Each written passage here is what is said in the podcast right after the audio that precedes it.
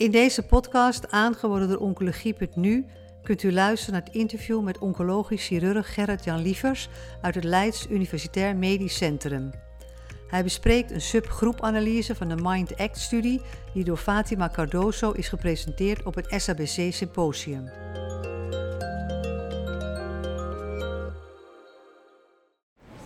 Welkom Gerrit-Jan Lievers. Fijn dat je hier uh, in de hal van, bij de persruimte in San Antonio uh, bent gekomen om met ons te praten over de presentatie van Fatima Cardoso over een subgroepanalyse van de MindEC trial. Ja. Zou je nog even voor de duidelijkheid die studie kunnen toelichten, hoe die is opgezet en uitgevoerd? Ja, de, de hele MindEC trial zei uh, Fatima gisteren ook in een over uitstekende presentatie. Heb je nog nooit gehoord? Nee. Oh, was echt, echt heel goed.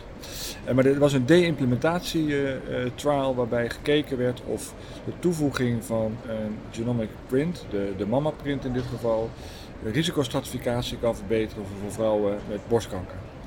En wat ze daarin gevonden hadden is dat als je de klinische kenmerken van borstkanker, die categoriseren wij al jaren in hoog- en laag risicopatiënten. En als je de klinische hoog risicopatiënten neemt, is een groot gedeelte, ik meen zelfs 48% daarvan, is ondanks klinisch hoog, is genomisch laag risico. En die groepen waarbij de klassificaties discordant waren, dus dat klinisch een ander beeld gaf dan de mammaprint, die randomiseerden ze voor het wel of niet krijgen van chemotherapie. En wat die totale trial daarin vindt, is dat de genomische laagrisicopatiënten, ondanks hun klinisch hoog risico kenmerken, uh, geen baat hebben bij chemotherapie. Dus dan kun je chemotherapie onthouden. En dat is natuurlijk wel een, een, een, ja, een hele goede trial die mensen onnodig chemotherapie kan, uh, kan besparen. En dat is de totale MindAct. Grote studie, hele grote studie. Oké, en wat was dan de reden om nou uit die grote studie die, deze specifieke subgroepanalyse uit te voeren? Ja, nou de, de concurrent van, uh, van MindAct, als ik zo maar, is natuurlijk de, de, de Oncotype DX. En die hebben de MindAct heet in de Oncotype DX de Taylor-X-studie.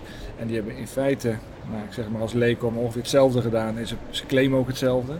Maar uit de Taylor-X-studie kwam dat dat systeem van klinisch hoog, maar een laag risico met je, met je printuitslagen, dat dat bij jongere vrouwen onder de 50 niet zo goed werkte. Dus daar zou de voordelen van chemo iets hoger zijn, ondanks dat ze genomisch laag waren. En dat triggerde dus de mind om te zeggen, ja, als dat zo is, dan moeten we in onze, onze populatie kijken of ook de jonge vrouwen toch niet wel baat zouden hebben bij chemotherapie als ze onder de 50 waren bij een genomisch laag risico. Dat was de reden voor de subgroepanalyse waarin de groepen boven de 50, onder de 50 jaar met elkaar werden vergeleken. Oké, en uh, kun je de uitkomst van die vergelijking benoemen? Ja, ja? ja kort door de bocht, er kwam niks uit. Oké. Dus, dus de, dan, Fatima zei heel terecht gisteren, het is een ongeplande subgroepanalyse. Dan moet je altijd je, je kanttekening weer plaatsen. De aantallen events in de groepen die ze maakten zijn heel erg laag. Dus de, de power van de studie is erg laag, met grote confidence intervallen. Maar als je daar binnen kijkt, is er een klein numeriek verschil. Dus jongere vrouwen zouden, ik zeg uit mijn hoofd, 3% baat hebben bij chemotherapie. Maar dat is statistisch niet significant vanwege de underpowered zijn van hun studie. Dus als je heel eerlijk bent, kwam er niets uit. En dat kwam bij de TLX, als je heel eerlijk bent, ook niet. Want het was ook een unplanned power of uh, subgroepanalyse. Dus het is, het, het, het, is een hint gegeven dat er numeriek zijn er wat verschillen en dat, dat triggert de, de uh, uh, interesse.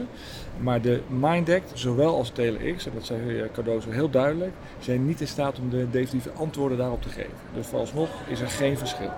Oké, en, en dus zijn er waarschijnlijk aanvullende studies nodig. Ja. En als het het geval is, welke zouden dat dan zijn? Maar is die, zijn die ook uitvoerbaar? Uh, ja, goede vraag natuurlijk. Ze zijn zeker nodig. Uh, nogmaals, de, de hypothese is gesteld. Er werd ook wel wat biologische verklaring gegeven waarom dat bij jongere vrouwen dan anders zou werken. En een deel daarvan zou zijn de, de, de door chemotherapie. Kortom, er is ook wel een, een rationale te vinden waarom er verschillen zouden zijn.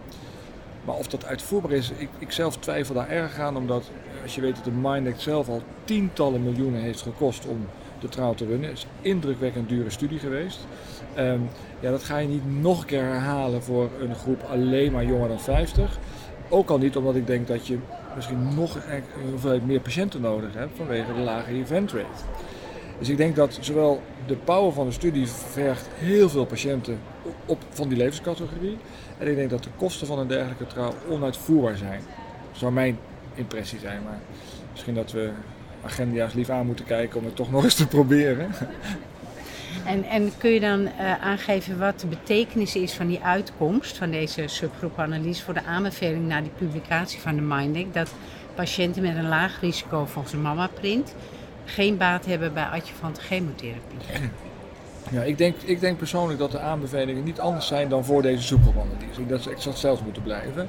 En ik denk, uh, en dat werd gisteren de presentatie en ook tijdens de uh, vraag- en antwoorden spelletje werd dat wel uh, goed beantwoord de mama-print en, en, de, en de oncotype zijn aanvullend van prognostische waarde. Het is niet een vervanging van je klinische kenmerken. Dus de klinische kenmerken, uh, grootte van de tumor, de klierstatus, uh, et cetera, zijn allemaal nog ook prognostisch.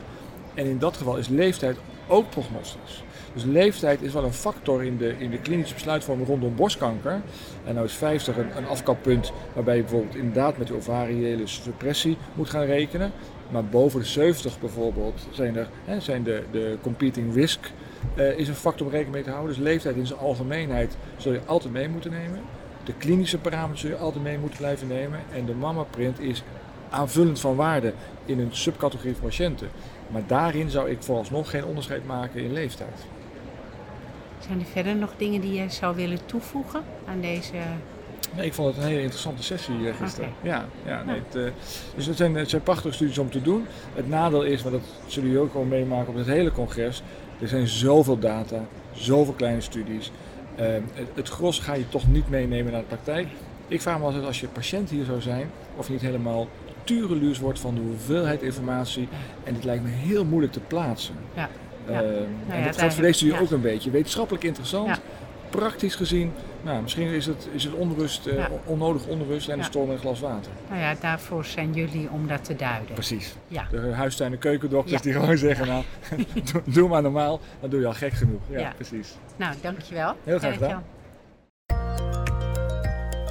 Bent u geïnteresseerd in meer podcasts? Deze zijn te vinden op de website oncologie.nu.